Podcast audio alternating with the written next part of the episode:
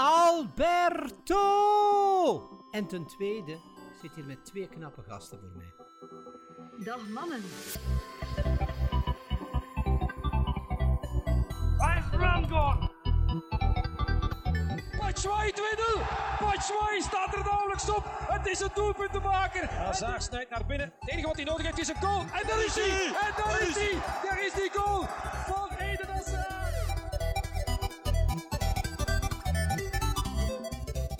Dames en heren, en welkom bij een nieuwe Tussen Pot en Pin. Hallo dames en heren, en een eh, onverwachte episode, want eh, de achtste finales zijn afgelopen en we zijn hier al terug, net voor de kwartfinales. Ehm, we hebben een geweldige wedstrijd gehad en eh, we zitten hier terug met Sander, Ah, de man ik ben van- er terug, hè, jongens. Ik ben er terug. Jawel. Dan eh, de man uit de wandeltuin van Lier, genaamd Koningshooikt, Nathan. Goedenavond. Oh, wat een zachte stem. Hoe moet stem ze van van En eh, last but not least. Last but not least, eh, Kenny, de man voor wie het bijna tijd is eh, om te gaan slapen. Dag Kenny, Goeie, hele goede avond. goeienacht. Ehm we gaan eraan beginnen, want onze Belgen hebben eh, gezorgd voor het moment van ons leven door eh, ons eerst in spanning eh, te houden. En we gaan eh, de match helemaal analyseren. Ehm, dus we, ik zou zeggen, we beginnen bij de eerste helft. En daar heb ik opgeschreven Carrasco penalty, vraagteken. En Lukaku was ongelukkig, Hazard dreigend en niet echt gevaarlijk. Ehm, dat is wel mijn analyse. Kunnen jullie daarin volgen of hebben jullie nog dingen opgemerkt? Ehm, ik, ga, ehm, ik snap eh, het Carrasco penalty vraagteken. eh, maar eh, ja, omdat hij op zijn voeten blijft staan, wordt er geen gegeven. Ik denk als Ja. hij neergaat. Dat, dat, Als hij ja, ik denk valt, als, als hij neergaat, penalty. dat het altijd penalty is. Ehm, maar goed, ja, ik vond. Oké, heel goed speelden we niet, maar we waren toch dominanter en hadden eventueel wel kunnen scoren eh, op bepaalde fases. Maar inderdaad, eh, we speelden een beetje te traag. Klopt. Ehm, Ik had Maar- meer pinten op dan dat er kansen waren. Ja, ja, mooi. Ehm, maar ja, goed. Ik vond, ik had, op dat moment had ik echt geen schrik van Japan ook. Omdat ze, ondanks dat we te traag speelden en zo, vond ik dat we toch redelijk degelijk in blok stonden. Buiten een keer of twee dat, dat eh, Meunier eh, verkeerd uitstapte. En zoals terecht opgemerkt in eh Villa Sporza, Alderweireld, die niet altijd goed dekte, ook aan die kant, in Meunier zijn rug. Maar voor de rest had ik er eigenlijk echt een heel goed oog in op dat moment. Ik had een iets minder goed oog erin, in die zin dat ik had het gevoel dat er vrij veel nonchalance al in het spel zat. Eh, bepaalde, ik arrogantie misschien, van oké, dit komt wel goed en het, het, ze- lukt nog niet in de eerste helft, want er waren ook niet zo superveel kansen. Maar anderzijds, zoals hij daarnet zei, gebeurden er wel, de, de, de weinige doorbraken die er kwamen van de Japanners waren wel allemaal ehm, door onze eigen schuld. Ehm, en dan weet je, het staat 0-0. Het kan evengoed eh aan de overkant gebeuren in de tweede helft. Eh, want ik herinner, we hadden eh, in de vorige aflevering gezegd, ik, we hopen dat het snel 2-0 wordt, zodat ze kunnen rusten. Dat gevoel had ik wel niet naar de eerste helft, dat het nog makkelijk 2-0 zou worden. Ehm, dus ik had wel iets na de, na de eerste helft van er wordt veel te weinig druk uitgeoefend, het gaat te traag. En die Japanners kunnen ook wel voetballen, Ehm, dus ik, ik was er niet heel gerust in. Ja, het tactisch plan van, van Japan was vrij snel duidelijk. Hè. De Belgen hoog druk zetten. En eh, ja, dat deden ze wel heel goed en verdedigend zeker. De Japanners eh, hadden een plannetje gekregen en eh, ja, die weken daar allemaal totaal niet van af. Hè. Dus het stond, stond wel, stond wel zeer Klopt, goed. maar het is ook een beetje eigen aan het Japanse voetbal. Ook een beetje Zuid-Koreaans, heel gedisciplineerd, heel gestructureerd. Ehm, ook allemaal niet te beroerd om eh, die extra meters voor elkaar te lopen. Daar wist ik dat we, ja, dat we sneller moesten voetballen. Maar ja, Ze, ze kregen Ja, het allemaal gebolwerkt. wel. eh. zeer opvallend dat eh, eigenlijk het, het gevaar vooral van Hazard kwam en dat Mertens echt onzichtbaar Ja, was. En dat ze daarom ook de, de mogelijkheid hadden om, om zowel Lukaku als Hazard eh, te omsingelen in eh, verdedigend opzicht dan. Dat die eh, ja, wel dreigend waren, maar nooit echt gevaarlijk konden zijn. Lukaku altijd schoten afgeblokt en op kracht wel geprobeerd, maar niet Terwijl ik, ik had wel het gevoel, ehm, de Japanners zetten redelijk hoge druk ook vaak op onze verdediging. Eh, en Alderweireld heeft dan een paar lange ballen naar eh, Lukaku gespeeld in de ruimte eigenlijk. Eh, dat Lukaku kon beginnen lopen en ik vond eigenlijk dat er daar wel opportuniteiten waren op die moment die we niet helemaal goed ehm, hebben benut. Ook, vooral ook omdat Carrasco op het einde van die fases veel aan de bal kwam en de verkeerde keuzes maakte. Ehm, maar daar konden we echt wel meer gedaan hebben in de eerste helft. En, Ja, ik vond ook wel dat de verdediger die op eh, Lukaku stond, eh, twee koppen kleiner, die er toch in slaagde om, om slim vaak eh, Lukaku van de bal te zetten. Ehm, ik weet niet meer of het in de eerste helft was, maar hij heeft daar op een bepaald moment met echt een ongelooflijk simpel duwtje eh, Lukaku aan de kant gekregen. En in aanvallend compartiment liepen er toch echt een paar waarvan dat ik aangenaam verrast was. Een Inouï bijvoorbeeld kon toch wel iets met een bal. eh. wat dat ik, eh, want die discipline was er zeker sowieso, maar er was ook wel echt voetballend vermogen. eh. ze wouden ook wel meevoetballen uiteindelijk. Het was geen ploeg die... Oké, ze stonden in blok, maar ehm, het was geen ploeg die er zomaar stond om één keer een kans te krijgen. Ze proberen echt wel op hun eigen eh, manier aan kansen te komen. En dat was toch allee, wel chapeau. eh. Gewoon. Ik vond vooral en dat, ze, dat ze uiteindelijk elke keer met hetzelfde plan gestart zijn. Ehm, nu, elk, de vier matchen dat we nu gezien hebben. En het verschil tussen de, tussen de wedstrijd met, met Tunesië was bijvoorbeeld dat Tunesië effectief wou meevoetballen. En ik vond dat we hier zagen dat Japan zo tactisch en zo goed geanalyseerd had op wat zijn onze sterktes, wat zijn onze zwaktes. En daar heel goed op, op aan het inspelen is geweest. Uh, en op het moment dat we echt druk zijn beginnen zetten, sneller zijn beginnen spelen, um, over de flank die voorzitter zijn beginnen trappen na het brengen met Fellaini, zagen we ook gewoon dat, ook al had het 0-0 geweest, dan had Japan ook kapot gespeeld geweest. Um, in mijn ogen hebben ze gewoon te veel aan het relaxeren geweest op we gaan die toch wel pakken, inderdaad, een, een stuk nonchalance. Terwijl als ze ook al bent je de betere ploeg, dan mocht je nog je ploeg voor een stuk omzwieren om, Ja, om de tegenstander meer pijn te doen. Ik vraag mij af of dat we dan niet gewoon... Allee, het is makkelijk praten achteraf natuurlijk, maar ik vraag mij ook gewoon af, bijvoorbeeld, waarom tegen Japan niet met een Fellaini starten op een of andere manier, eh, met Lukaku in punt, maar gewoon veel, veel vaker die voorzet zoeken, omdat we weten dat Japan de kleinste ploeg was van het toernooi. Ehm, dat ze daar toch wel op gepakt werden. Ehm, dus waarom dan niet, als je dat weet, is het misschien gewoon te naïef van ons om te denken van, ja oké, we hebben ook veel meer kwaliteit, maar gewoon om te denken van, we gaan ze wel wegspelen. Waarom dan niet gewoon met iets meer power het veld instappen en, en daarop eh, spelen? Inderdaad. En daarom niet met Dembele, want die heeft dan ook niet de lengte, maar echt gaan Nee, spelen op, echt met Fellaini er. Ja, of zelfs, start. of zelfs met een Batshuayi samen in de spits, dat we gewoon meer presence in dat strafschopgebied hadden, zodat ze nu weten wie dat we moeten pakken. En dat je nog altijd Lukaku om die hoge bal naar te zwieren.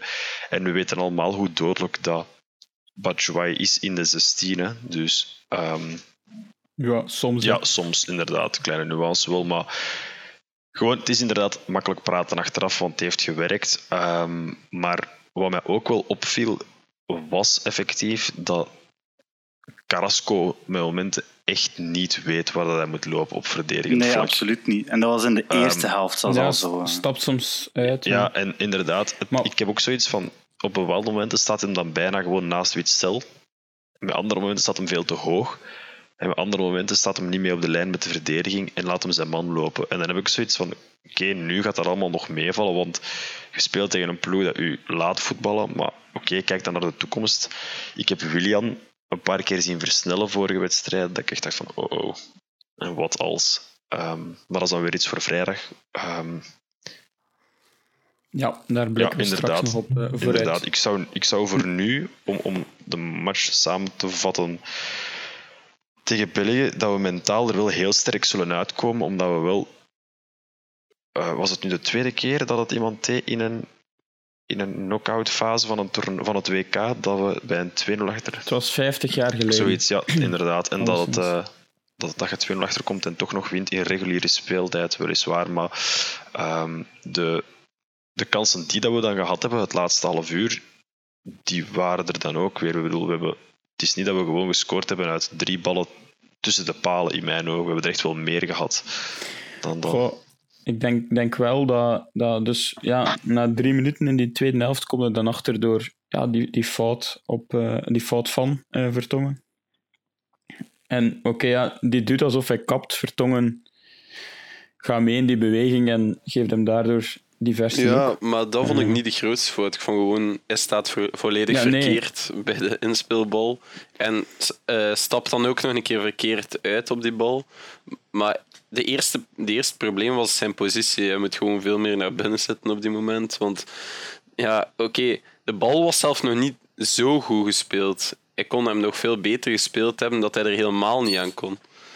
Het, het probleem is wel dat bij elk tegengoal dat we nu al gekregen hebben, is het, was het echt wel een positiefout. Of, eh, Ja, maar ik, ik vind ook wel op, dat, op die tegengoal, en dat is bij alle tweede tegengoals, dat eh, er heel veel ruimte Ja. is op ons Ja. middenveld. Eh, zowel bij die, Maar dat was die een hele match. Company terug. ik- als, Ja, dat was echt waar. Ik heb een kameraad naast Ja. mij gehad en die zei er moet een manneke bij het middenveld na de eerste 10 minuten. Dus Dat, dat, dat klopt sowieso, maar denk dat je daar niet... Want ik, ik vind persoonlijk dat Witzel de longen uit zijn lijf heeft gelopen en dat de Bruine soms een beetje... Ja, nergens de was, maar dat is mijn persoonlijke die ruimte mening. tussen, tussen die voorste linie en, en, en Witzel of, of in de verdediging dan echt niet alleen belopen. Dat gaat gewoon niet. Maar het, het ding is soms ook dat de Bruine gewoon lager dan Witzel stond. En dat moet hij probleem was ook gewoon, ik. Mertens was gewoon afwezig. Je had bijna het gevoel dat je met tien aan het die voetballen was Ehm, Die gaat er wel uit, denk ik. ja. Maar bon, die, eh, dus na die eerste goal trappen we dan een halve minuut erna op de paal. En eh, ja, dan weten we allemaal wat er gebeurt. Eh, we krijgen die tweede goal binnen en dan zet de helft van België zijn tv af, denk ik. Ja, zeker eh, door de minuut of twee minuten na eh, de 2-0. Ja, dramatische passen, hè, maar dat was eigenlijk al gans de tweede Ja, maar die twee minuten was echt het verschrikkelijkste van heel de match. Company die bal drie meter achter de man gewoon buiten speelde. Ze waren het echt allemaal kwijt op die moment. En dan... Ja, ja dan. Ja, dan, dan ik wil wel nog iets, iets opmerken. Ik dacht na de, na de 2-0 eh, dat de Bruine de man zou zijn die de ploeg eh, samen, eh, samen ging houden. Maar dat eigenlijk vooral eh, Lukaku was die de rust van voor eh, behield en dat Hazard overal de bal ging gaan halen. Die liep van links naar rechts tot, tot bij Mertens zelfs. Om te zeggen van, geef een bal hier, want je doet er niets mee. En dan uiteindelijk komen we, ja, eh, komen we op ons gevaarlijkste punt tegen de Japanners aan de corners. Ik, denk, ik denk net op tijd op die, op die 1-2. Als die vijf minuten later valt, dan, Ja. dan vrees En ik een, ervoor. en een lucky goal eigenlijk. hè. ja, Die wil, die Ja, wil hem nooit want- binnenkoppen vandaar. de, de Onmogelijk. verste kopbalgoal sinds de metingen van, eh van het WK. Ja, Ja, ik, ik vind ook dat, dat, dat Kawashima daar gewoon nergens staat. Nee. Mijn, mijn redenering is, Vertongen gaat die bal nooit naar die eerste paal koppen, dus waarom zou hij Ja, aan die eerste maar paal ja, gaan staan Vertongen gaat hij ook nooit de rechtstreeks naar het doel koppen. Dus, eh, Nee, hij verwacht hem. Allee, het is onmogelijk om hem daar te verwachten. En ook, hij valt echt wel perfect binnen. Hè. Ik, vind, ik, ik, ik vond, Ja, ik vond eh, Kawashima niet zozeer in de fout gaan op die bal. Omdat er stond ook heel veel volk bij hem nog. eh, waardoor dat het sowieso al moeilijk was om te manoeuvreren. En hij moet wel ergens in die zone staan, omdat als er iemand, als hij hem hard voor doel kopt en er komt iemand opduiken eh, in die zone.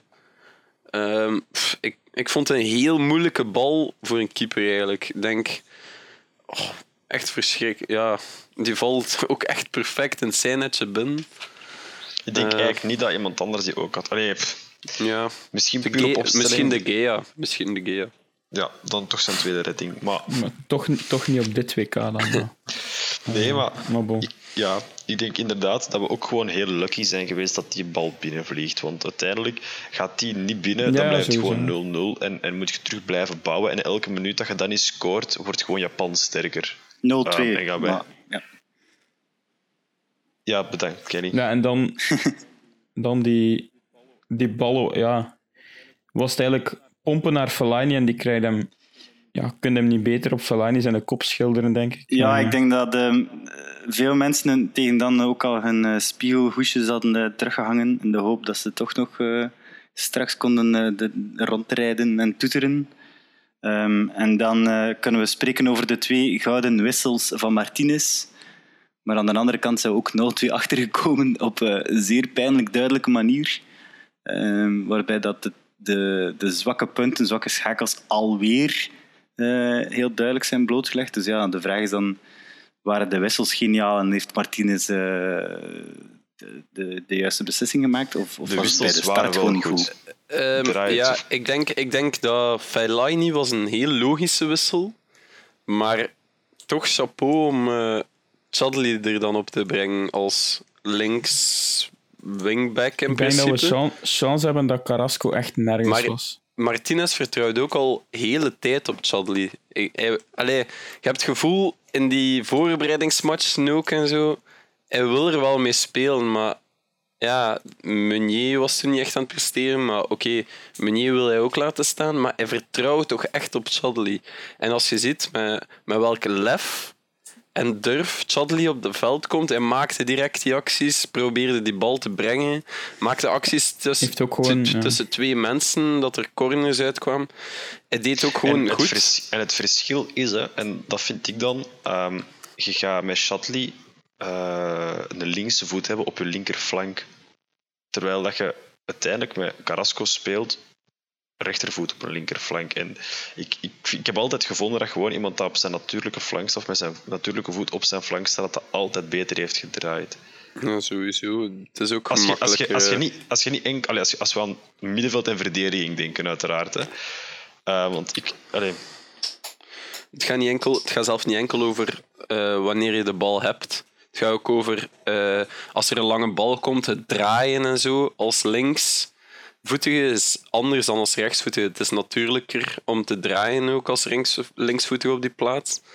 Dus ja, ik ben ook sowieso voorstander van linksvoetige op de linkerflank te hebben. Ja, sowieso. Alles, alles is anders. Eh, het lijkt, het lijkt het maar, eh, been, ja. het lijkt een minimaal verschil, maar het is echt... eh, ik spreek uit ervaring, eh, het is echt een serieus verschil.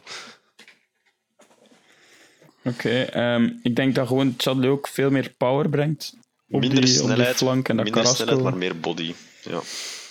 Ja. En dat, dat, je, dat je met Carrasco de man hebt van de dribbles en bij Carrasco, vooral bij de Duivels, is dat veel, veel proberen en weinig lukken. En in principe heb je daar al zo in staan met, met Hazard. Dus eh, Ja, en ook, niet te veel van het goede, zou ik, zou ik we zeggen. kunnen het ons gewoon niet permitteren tegen Brazilië. Ja, we hoeven geen zeven Ja, nee. aanvallende spelers op te stellen deze keer. Voilà. Maar dan eh, de laatste goal, het moment suprême. Dat is wel echt ja. fenomenaal uitgespeeld. Dat is echt dat is niet normaal. En ook, ik persoonlijk. Twee, twee puntjes benadrukken. Courtois, dat was niet de eerste keer dat hij heel snel Ja, rolde. is- En ja. twee, Lukaku ehm, doet de van links naar rechts van de snolle bolletjes met heel de verdediging van, eh Er is, nog, van er is nog een derde puntje. Het start met een corner van eh, de Japanners. En eh, Ja. ik denk Ja, dat het is, eh, Inouye was die de corner kort vroeg. Ehm, Die Ja, wordt toch lang gegeven en dan staat heel die... eh, wat, het blijft een zeer vreemde keuze. Ik bedoel, het staat 2-2. Iedereen heeft het gevoel van eh, eh, België, Wall Street nog net op tijd over. we zijn in het moreel... we zijn in het voordeel. Dan hou je toch de bal bij. Allee, het is de... Ja, het is gewoon zo naïef. Ik bedoel, allee, wij, wij hadden echt op dat moment Ja. in de verdediging staan. Ik denk dat de grootste Japanner nog steeds 20 centimeter kleiner was als de kleinste Belg, bij wijze van spreken. En dan, Courtois pakt hij echt eenvoudig. En dan geeft hij hem direct en heel slim mee met de bruine, zoals we Courtois wel kennen, uiteraard. Maar dan, dat is net hetgene waar dat we het best in zijn, volgens mij, is op die tegenaanvaller, als er wat ruimte is, snel omschakelen met ontzettend veel mensen, want er was vijf man, was mee. Ehm, en als je ziet hoe Chadley, die sprint van Chadley, ongelooflijk. Echt. Was het eh, En- 9 seconden en iets over Ja. 80 meter of zo? Echt ongelooflijk. En dan de, ehm, de looplijnen van Lukaku zijn een schoolvoorbeeld voor, voor spitsen. Echt. Als je aan spitsen, jonge spitsen wil uitleggen hoe ze ruimte moeten maken voor iemand anders, dan zou Ja. ik eh, deze beelden tonen, want het was echt schitterend uitgevoerd. Volgens mij een van de beste acties ooit van Lukaku zonder een bal te raken. On- echt ongelooflijk. Ja, Ongelooflijk. hij, hij, hij, maakt er, hij maakt er vier op dit WK. Eh Harry Kane stond er met vijf. En hij loopt over de bal omdat hij weet dat hij. Dat Chad, hij weet, hij heeft het zelfs niet gezien, maar hij voelt gewoon Chadley in zijn rug komen. En ik denk dat eh, Lukaku dat bij geen enkel andere ploeg had gedaan eh, dan bij Ja, en België. ook veel ik denk andere niet dat hij bij United ook over die niet bal had gelopen. Nee, Maar nee. dat is ook wel... En dat, maakt dat is ook wel eh, een verdienste, misschien ook wel van Martinez, dat spelers elkaar echt wel goed aanvoelen, eigenlijk op die manier. Ik bedoel, er is, zijn, ja, het zijn ook wel dingen waarop getraind, allee, nu niet over de bal laten lopen, maar wel over wie waar moet komen op bepaalde posities. En oké, je moet natuurlijk van nature ook beslissingen maken op fracties van seconden. Maar het geeft mij toch wel aan, zo'n dingen zijn in de tijd Wilmots niet gebeurd. Die goal hadden we niet op die manier gemaakt, alleszins. En, ja, en die tegendoelpunten die hadden we sowieso ook gekregen in de tijd. Ja. Dus Inderdaad. Maar dat vind ik misschien wel een gebrek aan toch kwaliteit op die posities ook. eh. vooral, ik ben nog altijd niet overtuigd zelf van een Meunier ver- op een verdedigend vlak, bedoel ik. En ik zeker vond, de ik vond linkerkant. Meunier verdedigend, verdedigend sterk, Ja, maar positioneel was hij gewoon Oké, maar verdedigend sterk inderdaad, maar nu was het ook maar tegen Japan. Ik heb het nu ook echt over. Ja, ook sowieso. over eh, allee, want ik vond Meunier ook goed en de, de match ervoor ook. Maar ga- ik heb vooral schrik voor als Meunier tegen Neymar gaat spelen en Willian tegen een linksachter die we eigenlijk niet hebben. Ehm, daar heb ik toch schrik voor. Als je ziet wat dat Brazilië dan wel staan heeft in die matchen op die flanken. wat vonden jullie van de prestatie van eh Company? Wisselvallig. Heel wisselvallig. Ik vond hem aanvallend sterk, maar verdedigend en vooral uitvoetballend Onzeker, hè? zwak. En je Ja, zag, v- je zag in de, in de, in de lucht was hij wel sterk. Ehm, kopduels en zo won hij wel oké tegen Japan, maar daar zag je wel de oude compagnie ehm, uitstappen met vertrouwen. In die duels gaan met vertrouwen. Maar wat atypisch compagnie is, ook al wordt het 0-2, zoals ik daarnet heb gezegd, is atypisch compagnie om dan ballen buiten te spelen. Normaal is hij echt degene die, die opstaat ook. En die dan de rust in de ploeg kan bewaren en toch iedereen terug in de juiste richting kan duwen. Maar dan, dan miste ik ook wel. Ehm, ja. Oké. ehm, misschien eh, genoeg België voor eh, dit half Ja, en toch, een, maar toch nog een nog eh, klein applausje voor de Japanners. Eh, het is genoeg gezegd, maar het feit dat ze het stadion nog opkuisten en eh, een bedankbriefje hebben achtergelaten in, het, eh, in een eh, kleedkamer in het Russisch, dat is eh, zo'n sportsmanship. Ik denk voetbal. dat eh, het voetbal... heel Ja, mooi. ook gewoon een, een heel sportieve Ja, match. hè. Je kunt, gewoon, je kunt ook In spelen als vergelijking met- Colombia. met hè. gisteren. Allee, ik bedoel, je kunt ook gewoon Ja, schuppen op alles dat je Colombia. tegenkomt, omdat je weet dat de tegenstander kwalitatief beter is. Maar die zijn ook gewoon zonder al te veel schrik aan die wedstrijd begonnen, vond ik. Dus ehm ja, En chapeau. toch hebben die, eh, toch hebben die een, een nieuwe trainer gekregen, omdat de vorige het niet meer wou doen, omdat er te veel vedetten zaten. Dus eh, Ja. Oké. eh, heel eventjes eh, naar de andere wedstrijden, want die waren er ook. Eh, we beginnen met eh, Brazilië-Mexico. Brazilië, of Mexico begon goed, maar ja, trapte daarna op zijn, zijn adem en ja, dan nam Brazilië gewoon over. En ze waren eerst nog niet heel gevaarlijk. Dan waren er enkele reddingen van Ochoa, die weer een goede match speelden. En daartussen was er natuurlijk toneel, een kleine toneelvoorstelling.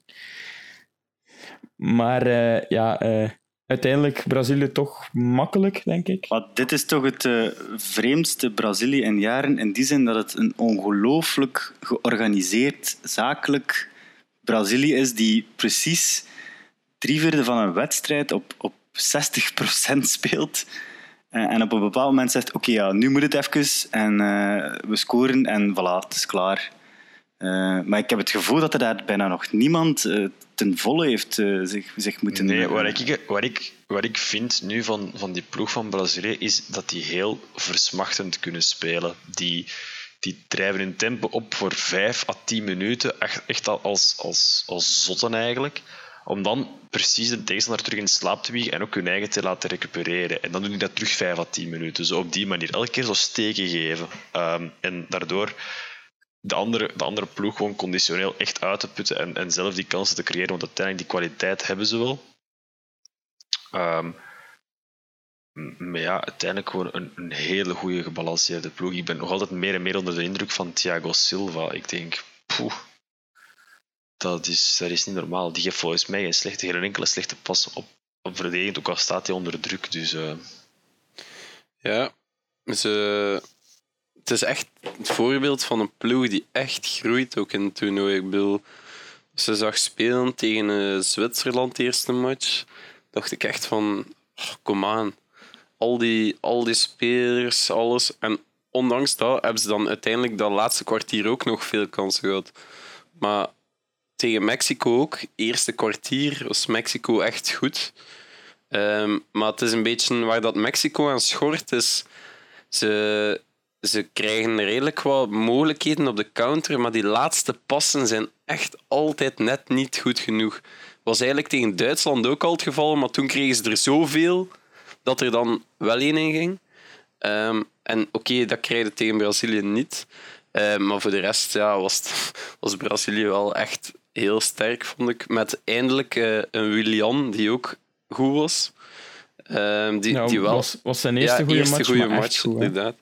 Eh, maar wat ik wel opmerk bij Brazilië, en oké, we zijn nu vier matchen ver, hun begin is altijd heel zwak, vind ik.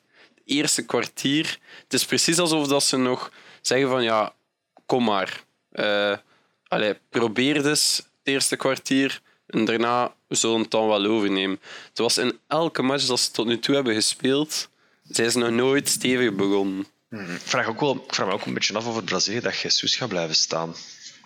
Want ik vind die...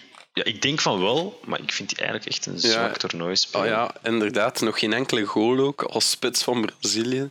Eh, met toch, allee, toch een ploeg die vrij vlot scoort. Niet overdreven, maar ze scoren toch wel doelpunten. Eh, ze krijgen ook redelijk wat kansen.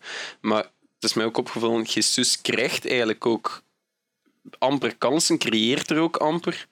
Dus als je dan bijvoorbeeld Firmino ziet invallen, die heel, heel veel minder minuten krijgt, krijgt in die paar minuten altijd een kans, scoort ook. Ehm, ja.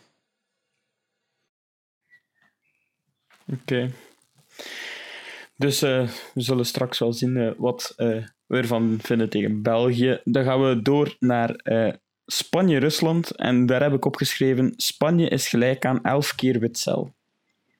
Ja, we, we hadden voorhand, op voorhand gezegd van ja, Spanje haalt het wel of er moet iets heel vreemd gebeuren Ja. eh, bij de VAR en met Poetin. Maar eigenlijk, vreemd genoeg, hebben ze de VAR of Poetin niet nodig gehad. Eh, Spanje heeft zichzelf gewoon zo ongelooflijk moeilijk gemaakt. Het, was, het was triestig. Ja, gewoon niets Het creëren. was, eh, Maar, maar echt niets. En dan met een spits zoals Diego Costa spelen, maar wel proberen ja, te taffelen naar de goal. ik denk dat we Met- nu al het met, eh, eh, tiki-taka eindelijk mogen begraven. Ehm, met Goh, ja, het, het lateraal tiki-taka. 20 passes het maar, graf ja. in en Ja. liever niet meer. eh. Er zat gewoon geen enkele diepgang in het spel. Het was gewoon 550 keer breed spelen zonder één pas naar voren te geven. Piqué die 0,0 verantwoordelijkheid nam, nooit een pas naar voren gaf. Wat, wat essentieel is bij ploeg zoals Spanje. Ik bedoel, je moet met En één Barcelona. pas kunnen die normaal drie, vier mensen uitschakelen. Dat gebeurde nooit of nooit. En wat dat mij vooral opviel, oké, zoiets kan gebeuren op 90 minuten, maar na 90 minuten dit voetbal te zien, dacht ik van ja, Rusland zal het ook wel... Oké, Spanje zal er wel doorkomen in de verlenging dan, want ik kan me moeilijk voorstellen dat dit nog eens 30 minuten zal gebeuren. Maar echt, het gebeurde gewoon nog eens 30 minuten. En Maar ja, en vooral conditioneel moeten die toch beter staan dan de Russen, Ja. lijkt me dan. Dus na, ik denk toch na 90 minuten kun je toch wel drie minuten het gaspedaal induwen en, eh, en even een goal maken en dan kunnen terug eh, de halve, Ja, of het dus- halve middenveld of dus- rondtikken. of desnoods zelf gewoon een klasseflits. Of, want ze hebben toch individueel goed genoeg spelers om dat te doen, maar zelf, zelf dat niet. Dus ja. Ik wil wel nog één iets benadrukken. Dat is die zieke voetreflex van, eh van Akifeev bij die laatste penalty Ja. van eh, Aspas. ja, inderdaad. Ik denk dat dat 100% bewust is dat hij die bal daaruit schopt. Om het, Ja, om het Maar die NK5 is gewoon een goede toernooi aan het spelen. Ja, zoals heel Zeker. Rusland in, in principe Ja. ook. Ja, ik bedoel, ze hebben niet de beste tegenstanders gehad, maar ze hebben toch wel... Oké, tegen Uruguay was het zonder een aantal sterkhouders ook. Ehm, maar ja, ze doen het toch. Ik bedoel, eh, je moet het ook tegen mindere tegenstanders nog kunnen doen. En ook tegen, tegen Egypte was voor mij een beetje het kantelpunt, omdat oké, Saudi-Arabië was heel zwak, maar tegen Egypte Oké, Egypte is toch wel een blok dat normaal iets kan neerzetten.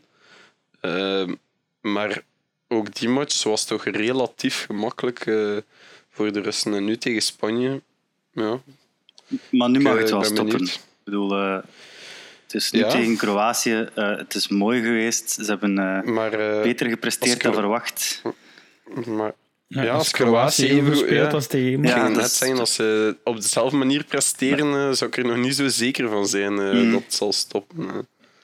Ik vond, om dan direct over te schakelen naar de volgende match, dat Kroatië zo eh, een beetje hetzelfde spelen als, als, als Spanje. Maar dan, maar dan met het gedacht van, goh, het zal wel lukken, die, die goal voor ons valt wel. En dat vind ik heel gevaarlijk om met zo'n ingesteld, ingesteldheid te spelen eh, Die hebben, tijdens zo'n ja, die knockout. hebben mij ronde. echt eh, serieus teleurgesteld, eh, Kroatië. Ja, Ik maar heb ook gewoon Heel ongelooflijk. veel meer van verwacht. Het gevoel dat die andere kant van het WK, dat, dat de WK sowieso, de, finale, de winnaar sowieso aan onze kant zit. Hoe dan ook. Ik heb eh, de match gezien op café met een, eh, er zat een eh, Kroatische en haar vriend. En eh, eh, ik, was, ik was blij dat die er waren, dat er toch tenminste nog iets gebeurde eh, rondom mij, want van de match moest het niet komen. Ehm, en dan, eh, ja, dan duurde het tot de 115e minuut, denk ik, eh, tot de penalty. Die eh, te- tekenend was voor, eh, voor de hele match, denk ik. eh. Ja, ja. Slecht getrapt. Gemist en toch nog een penaltyreeks. slecht getrapt, goed gepakt. En ja, die penaltyreeks daarna was ook gewoon dramatisch. Ja, hè. ook wel goed van de keepers uiteindelijk. Ja. Ja van de van keepers wel. Het Maar zijn natuurlijk ook wel twee keepers waar dat je wel schrik van kunt hebben om een penalty tegen te trappen. Eh, allebei toch wel indrukwekkende percentages, als je het bekijkt. Maar dan nog spelers zoals Eriksen die gewoon bij een aanloop al Ja. tonen in welke hoek dat ze gaan, Maar gaan dat trappen. is, Is, toch... dat is ook een beetje het typische aan... Het zijn op zich kleine landen die naar een kwartfinale kunnen gaan. Eh, dat brengt toch wel, ook voor topspelers, veel druk met zich mee. En ik wil toch eh, chapeau voor Modric. Het is, het is een ster, eh, zeker en vast. En in principe moet hij ook zijn verantwoordelijkheid nemen. Maar hij deed het toch ook. Ehm, als je in de 117e minuut ehm, je land naar de kwartfinale kunt trappen en je mist hem. ehm, en dan komt de coach vragen, ja, gaat er nog één trappen? En je zegt, ja, ik trap er één, eh, ik neem mijn verantwoordelijkheid. En oké, de penalty was helemaal niet goed getrapt. Ehm, heel zwak zelf, maar ging er toch in. En ik, ik vind toch chapeau dat hij... Daar geeft hij toch aan de anderen ook een blijk van vertrouwen eh, om het toch te doen. En eh, vind ik wel chapeau. Maar goed, laat dit de mindere match geweest zijn van Kroatië. Aangezien we hem als eh, outside- outsider hebben staan, dan... eh, Ik dacht toch gewoon zeggen van eh, de achtste finales, maar daar zijn we nog lang niet door, jongens. Ehm, maar we zullen beginnen met iets, deftig, of toch met veel goals. Frankrijk-Argentinië. Eh Mbappé die Frankrijk carried op snelheid. Voorbij ja, los zand, wat de Argentijnse defensie toch wel was. Ja, we hebben in de, de vorige aflevering gezegd dat we hoopten dat eh, Frankrijk nog doorging. Eh, maar dat je met Argentinië nooit weet, afhankelijk van de openingsfase. Griezmann eh, scoorde vrij snel. Ehm, en dan hebben we fantastisch mooie doelpunten gezien. ik denk dat we dat vooral kunnen onthouden. Wat een goals. er, zijn al dit, er zijn al dit WK een paar fases gebeurd die toch wel de geschiedenisboeken ingaan. Maar er waren er toch twee uit deze match dat ik niet snel zal vergeten. mijn, eh, mijn gsm vloog eh, 15 meter verder bij die goal van eh Pavard. Echt ongelo ongelooflijk. Echt waar.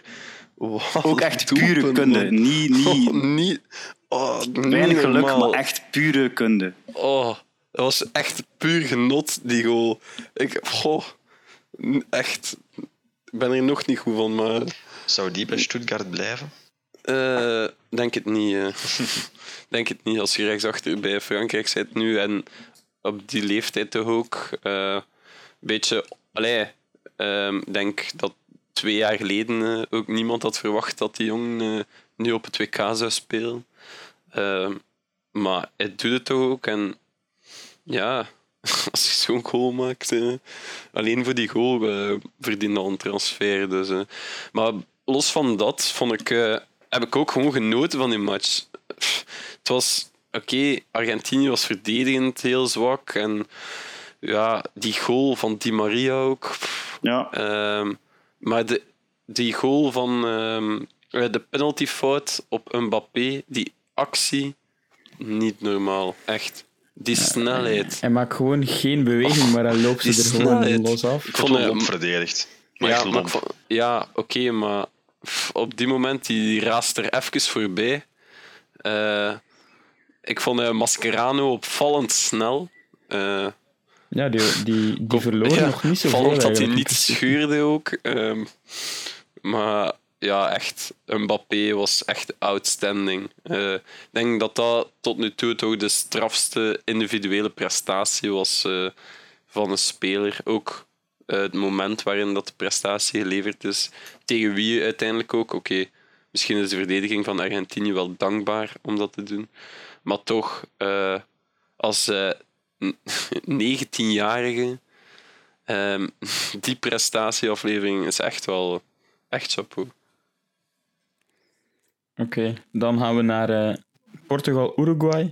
Of eh, Cavani tegen Cristiano Ronaldo. Uruguay. Maar dat is, echt op, dat is gewoon persoonlijk. Hè. Dat was ook al van voor het toernooi. Maar Ja, ik niet. Eh, ik heb- Omdat ze Portugal eruit gepeeld nee, hebben. ik, nee, want ik vind Portugal ook niet zo. Maar ik, ik ben gewoon niet fan van het ik, had, voetballen. ik had ook, allez, los van het feit, ik had ook gewoon persoonlijk verwacht dat Uruguay door ging gaan Nee, eh, ik niet. Ik had tegen Portugal, Portugal. Ah, nee, ik, eh, ik heb zelf mijn geld ingezet op Uruguay. ehm, dus eh, ja, nee, echt. eh, Ur- Uruguay groeit ook gewoon in het toernooi. Ehm, ze zijn, ja, die goal ook van Cavani, die kobbel. eh, en die andere was ook eh, met heel veel overtuiging Die afgemaakt. andere was nog mooi. ja, Ja, maar toch, die kobbel vond ik echt, echt straf. Die, de- ja, maar die zag er gewoon niet uit, omdat hij die op zijn kin maar de, hardheid van die voorzet, die was echt Ja, keihard. Eh, hoe dat je die zo dan nog binnenkrijgt, echt straf. Ik vond dat echt heel straf. Ehm, ik hoop nu wel voor eh, Uruguay ook dat hij toch eh, fit geraakt. Ehm, maar ja, nee, Uruguay, het is. Ja, het is wel- toch, wel is niet een- een tegenstander waar dat iedereen het lastig tegen kan krijgen en zal krijgen ook. Ja, maar wel niet echt een. Het was, het was wel niet. Het was de eerste. Het was wel niet echt een match van de, op het puntje van je stoel zat. eh. Ja, maar Maar zoals dat hij zegt, je het ook was wel. verwachten en- natuurlijk. Ja, en dat is hetgeen dat, eh, dat ik daarnet zei ook over Brazilië. Er staat wel iets degelijks. Eh, Ja, ik zou onze verdediging graag inruilen voor eh, Ja, voilà. de Uruguayaanse verdediging. Momentje in de match toch wel Mhm. eh, Ronaldo die eh, Cavani van het veld helpt. Denken jullie dat Ja. een sportsmanship was? Of, eh, Omdat niet rap ja, dat vrees ik ook. het zag er sympathiek uit, maar Je had hem nog bijna een schub bijgegeven, pijs ik maar wel. Ehm, dan eh, de volgende wedstrijd, en het gaat alleen maar bergaf. Eh, Zweden-Zwitserland, en daar heb ik bij genoteerd, slaap wel, hè. Ehm, Dat was een ongezien slordige Ja, wedstrijd. Van trouwens. zat er op een of andere manier wel snelheid in het spel. Het ging toch van ene kant naar de andere kant, maar zonder kansen gewoon. Echt, ja, zoals je zegt, zoals s- aanval slordig. En een beetje, wat dat mij ook opviel, Shakiri speelde zijn minste match. En eh, dat is direct eh, toonaangevend ook voor Zwitserland. Eh, als Shakiri er niet staat, hebben ze een serieus probleem. Eh, Ik vind ook gewoon dat Zweden terecht door is. Even tussendoor. ja, Z- Zweden, Zweden heeft ook iets staan, uiteindelijk. Eh, Mhm. ze En wat gewoon spelen- opvallend is. Ze spelen een systeem wat dat ze ontzettend goed beheersen. Ehm, en ze doen het op hun manier, maar inderdaad, ze gaan ook gewoon 100% rechtdoor. Zonder ook maar één match al sprankelend voetbal te spelen. Eh, tegen Duitsland was misschien hun beste match nog. Eh, Op de counter, Ja. ja. Ja. Maar dus straf eh, dat nogmaals, eh, Ibrahimovic meenemen eh, voor Ja, het, zij voor het inderdaad. eerst door sinds wat is het, 1958 lees ik hier. Ja, dus laat dan ze toch En toen thuis. speelde Ibrahimovic net niet mee. Nee, het is, het is wel straf. En uiteindelijk, daar zitten wel een aantal goede voetballers bij, individueel. Maar dat is ook gewoon een ploeg. Ja. Ehm, dat is, dat is Ja. echt straf. Er, maar er is ook niet echt een gevoel dat er vedetten zijn. Er zijn goede, eh, spelers, maar toch geen gasten die zich opwerpen als vedetten. Ja, vooral, dat is geen Messi waar rond dat de, Ja, de ploeg wordt Er gebouwd. is niemand... En daar hadden ze waarschijnlijk het probleem met Ibrahimovic. Die, ja, die haalde alle aandacht op zich. Ehm, maar het is misschien gewoon beter om een ploeg eh, zonder vedetten te hebben die vrij degelijk tot zeer degelijk zijn. Eh, en spelen met de mogelijkheden in plaats van alles in functie van één vedet. Want als die het dan af laat beten, dan is... eh ja. Hebben ook gewoon echt bakken ervaring Ja. in die ploeg. Dus eh, als je daar ziet wie dat er allemaal tussen loopt. eh Zo'n Grankvist heeft wel al van alles meegemaakt. Ja. Is trouwens nog altijd topschutter. Die Marcus Berg van voor heeft ook al Ze wel hebben zich meegemaakt. Eh, langs de andere kant ook. Ze hadden ook geen gemakkelijke kwalificatiepool. hè. Ik bedoel, Nee, ze zaten bij Frankrijk. Nederland. eh, er zaten daar nog een aantal eh, ploegen bij. Eh, het was een heel andere campagne. Dus oké, het geeft toch wel aan dat ze, dat ze toch wel een goede ploeg hebben als je naar Frankrijk doorgaat en toch Italië uitschakelt. Hè. Ik bedoel, ze hebben 0-0 en 1-0 eh, gespeeld tegen Italië. Het is toch ook twee keer de 0.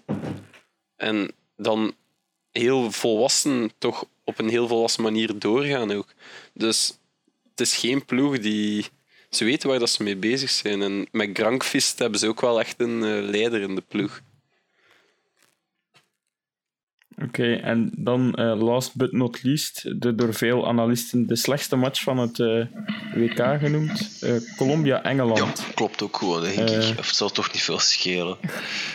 Echt dramatisch, zowel van Engeland als van Colombia. Ja, en ik denk uiteindelijk...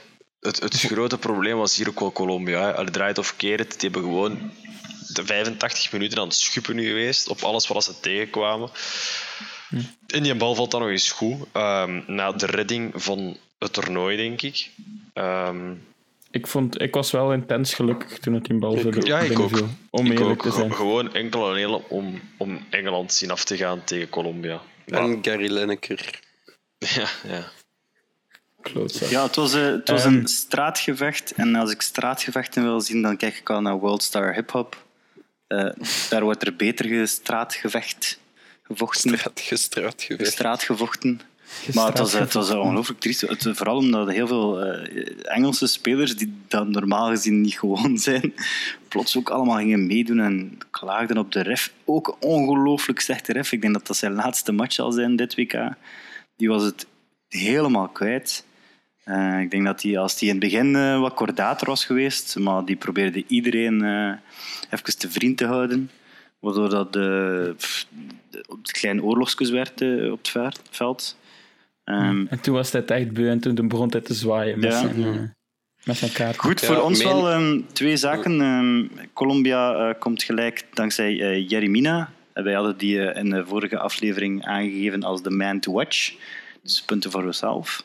En eh, Harry Kane eh, staat nog altijd topschutter. En die heb ik ook aangeduid als topschutter. Dus eh, punten voor mij. Dus ik denk dat het belangrijkste is van Eh, deze match. Ik vind wel eh, dat Engeland, Engeland speelde met, met negen nieuwe spelers en er werd gewoon echt ongelooflijk veel gewandeld. En het beste voorbeeld is dan Harry Kane.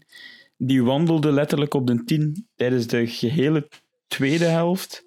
En de, de verlengingen ook nog. En dan komt hij nog zo zijn penalty op zijn gemakje binnentrappen. Ja, Dus kon hij toch nog lopen. Maar eh, ja. ja, ik vond zowel dramatisch van Engeland als van... Ja, het was een dramatische match, inderdaad. Mijn hoogtepunt was eh, persoonlijk... Ik zat in een eh, sportbar in Gent, waar een hele horde Colombiaanse vrouwen eh, de match bijwoonden. Dus ik heb eh, niet zoveel van de match gezien. eh, wel van de Colombiaanse vrouwen, uiteraard. Dus heel hard En al- getroost. Al goed eh, dat ik mijn dansbeentjes mee had, want ze hadden wel ritme. Hebben ze bij Oliris ook al een dans? Ja, ja, zeg maar zeker. En ook in de plaatselijke clubs achteraf. De dobbelsteen. Ja, maar het, eindigde, het eindigde wel met iets historisch, toch voor de Engelsen, een eh, gewonnen penaltyreeks. Eh, en, Ja. en daar toch Ja, wel eh, credits voor. Southgate, die blijkbaar al maanden eh, zich Ja, aan het voorbereiden is op een penaltyreeks. Ja. Dus het loont Ook wel. psychologen ingehuurd om Ja. het penalty Ik vond ze eigenlijk ook allemaal goed getrapt. Die, die penalty dat gepakt wordt, wordt ook gewoon, gewoon heel goed gepakt. Ja, hij was, Dus, hij eh, was, ik, ik vond ze ook allemaal echt zeer goed naar de hoek, eh, hard, eh, vol overtuiging. Maar ook, ook in deze penaltyreeks wil ik even de klasse van een Rashford benadrukken. Die jongen ook eh 18, 19 jaar. voor het eerst eh, in zijn leven, al sinds voor de nationale ploeg, eh, een penalty trappen. En ook op die manier eh, binnentrappen, dan op die leeftijd, dan is dat is gewoon pure klasse ook. Als je dan met die druk kunt omgaan en, en hem zo binnentrapt. Chapeau. Oké. Dan zitten alle matchen erop. Dan gaan we eens vooruit blikken. En we zullen beginnen van, van achter bij het minst interessante, denk ik. Eh, Zweden-Engeland. Go Zweden. Ja, echt wel. Stuur die Engelsen alstublieft naar huis. Voetbal is En ik denk- home. Als ik, als ik eerder ben, eerlijk, eerlijk ben, als Engeland zo speelt als tegen Colombia, dat Zweden eh, met hun ervaring er geen gaat tegenkrijgen en ook niet zo lomp gaat zijn om, eh, Inderdaad. Om Let the Beast Go te spelen met Harry Kane. Zweden kies is gewoon toch, eh, beter op dit moment. Ja, ik kies toch voor Engeland, alleen maar omdat eh, die toch mij al iets meer bekoord hebben dit toernooi. En dan moeten ze er maar de volgende ronde uitleggen. Maar ik zou graag toch een goede match zien in de volgende ronde. En Zweden nog een matchje spelen. Dat wil ik toch liever Nee, doen. van mij mag- Hoe graag dat ik Engeland er ook uit wil. Ik zou gewoon graag... Mijn ideale droomscenario is gewoon de Belgen in de finale tegen de Engelsen en dan winnen. Dat is... Ja. Ik, Eh, dat Ik kan ik denk- leven. ik denk echt dat Engeland nooit de finale bereikt. Zelf in die, in die tabel. Ik vind ze gewoon niet niet, goed. Ik vind ze gewoon niet, ik vind ze gewoon niet goed genoeg. Echt. Ze Maar ze zijn toch beter, allee, ze zijn toch beter dan de Zweden? Je- Je wilt, Ik je denk wilt toch liever nog een ronde zijn- verder? Ik, ik vind de Zweden matuurder dan de Engelsen. Ja. Als je Engeland gisteren zien spelen hebt tegen Colombia, dat heel, heel, heel matig was. Ehm, Zweden was ook in die match altijd doorgegaan tegen Colombia, daar ben ik zeker van. Ehm, en misschien wel makkelijker dan, eh, dan Engeland. Dus ik, ik zou er zo niet op durven zeggen dat Engeland zomaar. Ik, ik ga voor Zweden naar de volgende ronde. Ik bedoel, die, die goal... Er was één iemand die al twee keer gescoord had. We hadden nog eens gezegd hier in de podcast voor die Engelsen. En nog luisteren ze niet en laten ze Jeremina alleen staan. Dus ja, in dat matuur kan ik Sander... eh, Ja, ze hadden, ze zeker hadden, gewoon, ze hadden begrijpen. gewoon schrik. Ik bedoel, ze komen voor, er is niets aan de hand. Niets. Eh, s- Colombia speelde helemaal niets klaar. En toch slagen ze er nog in om in de problemen te komen. Dan gaan ze volgens mij tegen Zweden ook in de problemen komen. Dan kies ik als enige voor Engeland na een penaltyreeks die ze nogmaals winnen. Dankzij Southgate eh, zijn volgend- eh, uitgebreide training. Volgende, volgende wedstrijd. Eh, Rusland-Kroatië. Nog een topaffiche. Een match waar dat er volgens mij weer een verrassing in kan gebeuren. Maar het zal vooral afhankelijk zijn van het niveau dat Kroatië haalt. Als Kroatië Ja. een goed niveau haalt, zullen ze normaal gezien altijd doorgaan. Maar eh, ik denk eh, dat Rusland heel veel vertrouwen heeft nu. Het volk staat er ook echt achter. Eh, Ja, en hebben ook in principe niets te nee, verliezen. en Russen. ze hebben, Als ze er nu ze uitgaan... hebben ook zo een... een ja, ze, ja, ze stralen dat vertrouwen ook uit. En het lukt ook allemaal. Hè. Ehm, dus ja, eh, ik ga wel voor Kroatië. Maar eh, ik verwacht ook een moeilijke match. Ik eh, ga ook voor Kroatië en liefst na 90 minuten, want ik kan het niet aan om eh, Rusland toch nog te zien doorgaan. Jullie hebben daarnet al Zweden gezegd, dus dat wordt de volgende match Zweden-Rusland. Als halve finale. En dat, Dat is toch goed voor de finale? toch liever niet als het even kan.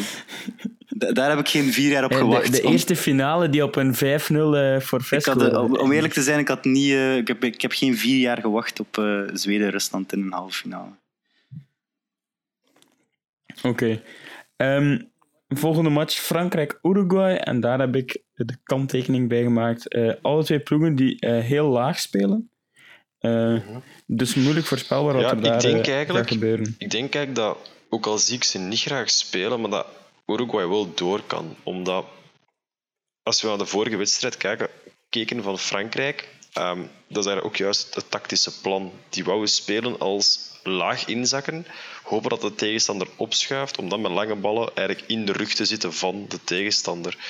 En ik denk, één, dat de coach van Uruguay tactisch zeer sterk is, maar dat ook de verdediging van Uruguay gewoon fenomenaal is. En dat dat het probleem wordt om er door te geraken. Ehm, ik, zie, ik zie bijvoorbeeld Frankrijk geen vier keer scoren tegen Uruguay. Alles behalve zelfs. Dus, eh, Ja, ik zie Brazilië zelfs geen vier keer scoren tegen. eh. dus om maar, ja, inderdaad, maar om maar gewoon een idee te geven. ehm, het, het zal een heel moeilijke wedstrijd voor Frankrijk worden. Ja, ga ik mee akkoord. Ik denk dat deze match eh, samen met Engeland het grootste potentieel heeft ook om verlenging te worden. Ehm, denk, ik, ik zet deze nog meer kans in om verlenging te worden, omdat ik eh, ik denk niet dat snelheid, ehm, zoals Mbappé, die kan ontwikkelen in deze match van pas zal komen, omdat ze gewoon te laag staan, Uruguay. Ehm, het zal volgens mij een klasseflits moeten zijn die, die de match zal bepalen. En ik ga akkoord met Nathan dat Uruguay kan doorgaan in deze match. Maar ik denk toch dat Frankrijk zal zijn met één klasseflits dan. Ik op 1-0 voor Frankrijk. Ik, eh, ik eh, hoop op eh, Frankrijk. Eh, ik hoop op een klasseflits van Mbappé. Die mag wel nog eens flitsen. Niet te vaak, want Harry Kane moet topschutter worden. Dus eh, het mag niet te veel worden. Maar ik, ik geef toch Frankrijk door, ja. Oké, laatste match. België-Brazilië. En daar heb ik eh, een paar vragen bij. Houden we de 3-4-3 of spelen we met een 3-5-2 om dan eh, de bruine rij op te schuiven? En eh, dan zou ik Hazard naast Lukaku spelen. We, Eh, we, gaan, eh, we gaan veranderen van systeem. Wat bleef? We gaan veranderen van systeem. We gaan nooit met hetzelfde systeem zoals tegen Japan en de rest spelen, denk ik. Nee, dat denk Ik ik ben ervan overtuigd. Ik denk dat er ook iets meer kracht op middenveld gaat komen. Eventueel Fellaini of een Dembele erbij. Ja, ik vraag me af of als ze Eh. inderdaad anders gaan spelen, gewoon ook om het, eh, We, moet, we het moeten tactische anders plan, spelen. het tactische plan van, eh, We moeten anders van spelen. In dat plan. Anders, daarin. anders gaan we er, gelijk Fellaini echt oprecht in zijn interview zei, anders gaan we golen slikken. En ik, zie het, ik, ik, ik weet niet of... ehm, ik zou zelf eventueel durven met een Vertongen helemaal linksachter te zetten zelf. Eh, En dan Vermaal Omdat- erbij te halen of ja, zo. en Vermalen erbij, inderdaad. Of Boyata, die daar of gewoon ook sterk is. Ja. Eventueel, ja. Maar ik zou toch gewoon met Vertongen een verdedigend ingestelde speler eh, linksachter, omdat ook Chadli eh, positionele fouten zal maken. Wat logisch is, die spelers spelen daar ook nooit. Ehm, ik denk niet dat we het ons kunnen permitteren om met aanvallende spelers op de bakposities eh, te spelen. En wat wel een feit is, Meunier moet wel eh, zijn momenten kiezen om mee te gaan. Ehm, laat Vertongen dan, in het geval hij speelt, maar blijven. Eh probeer het vooral met Meunier, omdat die wel eh, zowel aanvallend mee kan als kan terugkomen. Maar ik denk dat we gewoon verdedigender, iets verdedigender toch moeten spelen. Ons momenten kiezen, want het counteren, zoals de laatste goal tegen Japan, gaan we kunnen doen tegen Brazilië. Er gaan momenten zijn dat we ruimte krijgen op tegenaanval. En het zal dan aan ons zijn om, eh, om die te benutten. Ja, ik denk dat het een unieke kans is, omdat we... Het is de eerste match sinds jaren waar we geen favoriet zijn. Ja. Eh, of toch echt van, van niveau. En als eh, Brazilië aanvallend kan spelen, komt er ruimte Sowieso. voor die omschakeling, waar dat de Bruyne heel sterk in is. Komt er ehm, ruimte voor eh, de lange ballen van bijvoorbeeld de Bruyne of Alderweireld, zoals hij die getrapt heeft tegen, eh, tegen Tunesië. En die Ehm, rechtsachter dus is echt niet goed. Hè. Die rechtsachter, die Wagner. Die valt Vaak- echt die wat is te zeer pakken, aanvallend, maar verdedigend. eh, Ja, het is, ja, die moet in het is principe tegen Hazard. Als we, kwaliteitsvolle speler, uiteraard. Eh, dus daar maar wat ik ook eigenlijk zou proberen, is toch... Allee, ik zei wel iets defensiever starten. Maar ik zou toch proberen om de eerste 20 minuten de match in handen te proberen nemen. Omdat, omdat Brazilië is- sowieso gaat ja, afwachten. Brazilië, ik zei, ik zei het daarnet al, ik vind Brazilië de eerste kwartier, 20 minuten niet goed. Stel dat wij stevig beginnen, dan is het aan ons om een goal te maken in de eerste 20 minuten. Waar andere ploegen niet geslaagd zijn, wel de kansen toekregen, moeten wij gewoon... Wij hebben de kwaliteit om die kansen wel af te maken. Ik denk, als we kunnen voorkomen, dan is het al een ander verhaal. Er, er wordt gezegd dat Maar- Martinez hier al eh, zich maanden op aan het voorbereiden is. Dus wat mij Ja, betreft, eh, we zijn niet allemaal fan van Martinez, maar dit is wel de, de match waarin dat hij zijn eh, tactisch vernuft kan, eh, kan etaleren. Ik denk dat Martinez al enorm veel zieltjes gewonnen heeft met eh, de wissels Ja, die hij gedaan ja, heeft maar ook daar, allee, zoals ik daarnet ook zei, we zijn wel ook 0-2 achtergekomen met de fouten die al in de vorige matchen zijn gebeurd, eh, positionele fouten. Dus Maar Ehm, als hij nu de juiste opstelling, met de juiste opstelling begint, of iets wat toch logisch lijkt, dan, eh, dan denk ik wel dat hij. eh, en als we het Wow. ook nog winnen, dan eh, komt, er misschien toch een, eh, komt er misschien toch een standbeeld. Weet je, en als we Maar gewoon een goede ik echt, wedstrijd spelen en we gaan eruit, oké dan. Maar speel een goede wedstrijd, daar gaat het, daar gaat het over. Maar wat toch ook tekenend is ehm, voor Martinez, is dat toen dat we de 3-2 maakten tegen Japan, is dat toch ook Courtois naar Martinez loopt. En Courtois is toch... Had hij nooit gedaan bij, bij Ja. Courtois is toch iemand die heel kritisch is. Eh, Ja, bij de vorige Ja, heeft hij ten twee jaar opzichte- gewacht om ten op- eh, de vuile ja, was ten te opzichte, hangen. van, ten opzichte van iedereen ook. Ehm, en het is toch wel... Allee, het is toch wel opvallend dat ook hij naar de coach loopt. Op zijn Dus ik denk, dat er toch heel veel vertrouwen is binnen de groep in Ik denk dat de Martinez. sfeer ook gewoon goed is. Echt, Ja, het sowieso, begin van het toernooi al gezegd. Bij, zelf bij Wilmots moest de sfeer goed geweest zijn. Zelf dan zou er niemand naar Wilmots gelopen hebben. Maar, maar Martinez kijkt ook direct naar Courtois, omdat hij weet waar het allemaal begonnen is. Omdat hij waarschijnlijk ook weet dat dat Ja, het maar, plan was hij, om, om die hij snelle erkent spelervatting ook de belangrijkheid van die spelers. Eh, iets wat Wilmot niet echt Mhm. deed. Die, ja, oké, iedereen was zo. Maar hij, hij... Het is wel een goede people manager. Ook met de Bruin, zoals je al zag. Eh, veel gesprekken meegevoerd. En het is toch... Ja, op dat vlak vind ik hem toch eh, fantastisch wat hij allemaal doet. Dus... Oké. Eh, laatste eh, vraag van mijn kant.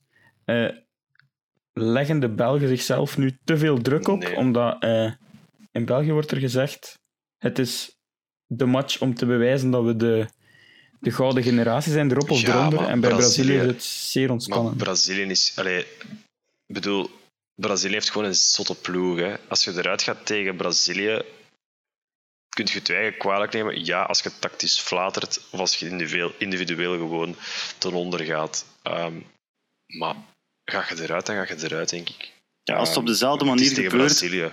Eh, Als het op dezelfde manier gebeurt als tegen Japan, de, de doelpunten die we maken, dan is het vrij duidelijk. Dan zeggen we van eh, het waren individuele fouten van spelers waarvan dat we wisten dat ze niet op hun perfecte positie stonden, waarvan dat we wisten dat ze de iets zwakkere schakels waren. En dan, ja, dan denk ik niet dat er iemand zal zeggen dat, dat we geen gouden generatie hadden. Maar het is wel zo, als we er nu uitgaan, dat eh, al wat er aankomt niet van hetzelfde niveau is. Ja, ik denk ook gewoon dat de druk tegen Japan hoger is geweest, omdat het... Dan moest het echt. Eh, we konden er in die match ook direct uit liggen. En ik denk, daar zij de favoriet. Moet het.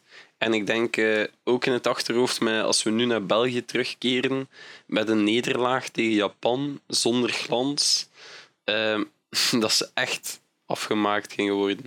Nu Ja, is het voilà. inderdaad tegen Brazilië. We zijn geen favoriet, wat toch altijd voor veel minder druk zorgt als je geen favoriet bent.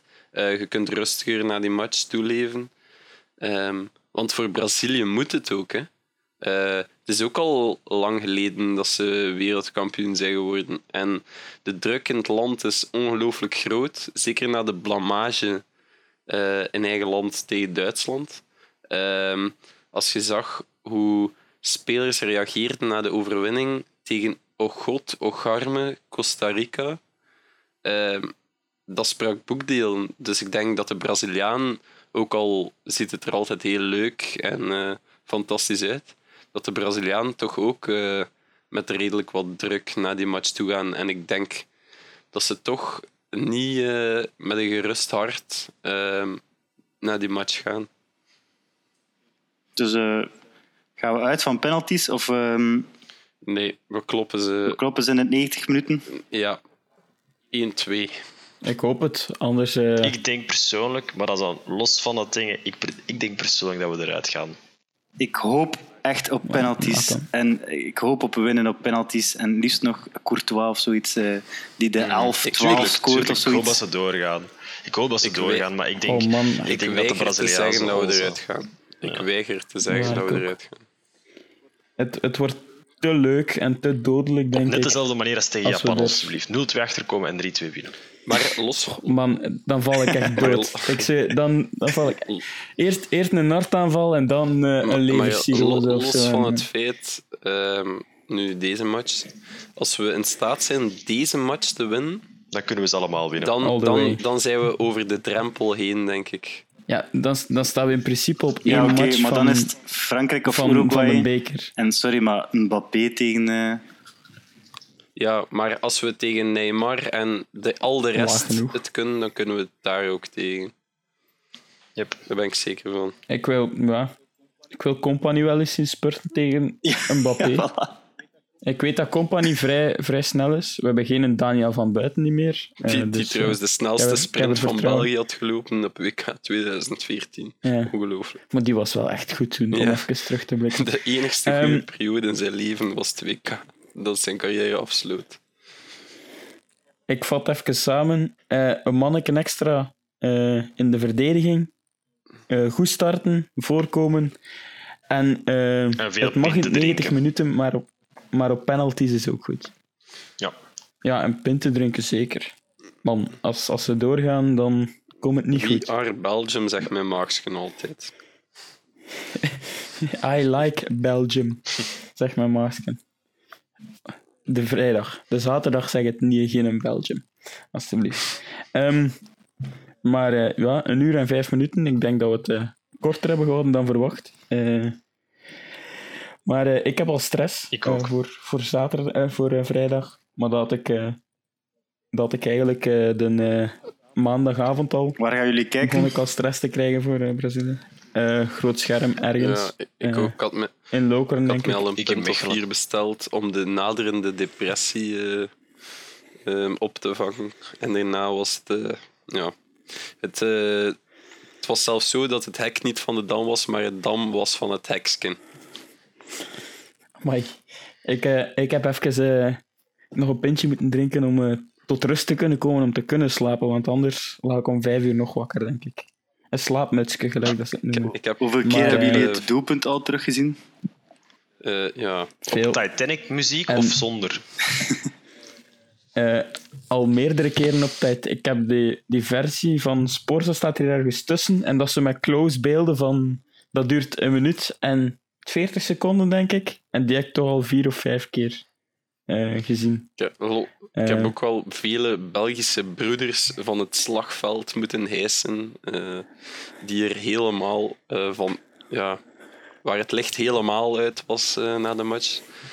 Ehm, ah, ik dacht na de 2-0. nee, eh, tot na de 3-2 eh, heb ik enkele zien sneuvelen tegen de grond. Ehm, ja, Ik denk dat als ik, als ik sterf, als ik sterf, wordt dit een van de beelden dat ze mogen laten zien mijn begrafenis. En vol- volgens het nieuws eh, is het ook vier, eh, is de kans viermaal groter om een hartaanval te krijgen. Doe maar maal tien tegen maar- Brazilië als we, als we winnen. Ik ben, ik ben echt eh, tien jaar van mijn leven Dat is kwijt niet normaal. kwijt ik tijdens die match. Niet normaal. Ja, en, daar stond, stem daar, stond mijn, stem is nog altijd hees. daar stond mijn baas dus, hè, live. Die mij vooraf had gezegd van, Amai, hey maar- Kenny, ik moet u iets laten weten, ik heb goed nieuws. Onze CEO is uitgenodigd en die kan niet gaan. Dus ik ga zelf. Maar om even mijn woorden van daarnet te herhalen. Ik had gemaakt dat ik de luchthaven niet meer terugvond die avond. Ja. Maar Ik had... Maar er is Ik nog een match en eh, hij is ook uitgenodigd voor de kwartfinale. Dus eh, ik, ehm, ik ben nu een eh, fake ID aan het bestellen. En eh, ik probeer uit te zoeken eh, En snel hoe laat zijn vlucht is, zodat ik voor hem kan inchecken. Stuur hem, stuur hem ook naar eh, Rio de Janeiro als we de Brazilianen eh, uitschakelen met een Belgische uitgedoste tenue. Is goed, En zal dan ik. zie je hem een, nooit meer terug. Dag en bedankt. Amai. No, nog een opmerkelijk verhaal is... er is ene kerel en die gaat naar alle matchen van, eh, van de Rode Duivels. Hij hij is altijd op Studio Brussel. het ochtends ergens bij, bij Linde. En dan komt hij verslag uitbrengen, want dan is hij net geland. Dan rijdt hij recht naar de studio. Ehm, maar wat was er gebeurd? Eh, hij had dus een ticket voor de kwartfinale, maar er waren geen vliegtickets meer. Hij heeft zijn eigen Eh, vliegtuig. dus, eh, ja, die heeft zijn eigen vliegtuig ja, ingelast. Effectief. 145.000 euro voor hun eigen vlucht in het programma te krijgen. En hij was dan op zoek naar mensen die wilden bijleggen om samen met hem te, te vliegen, die ook nog een eh, vliegticket zochten.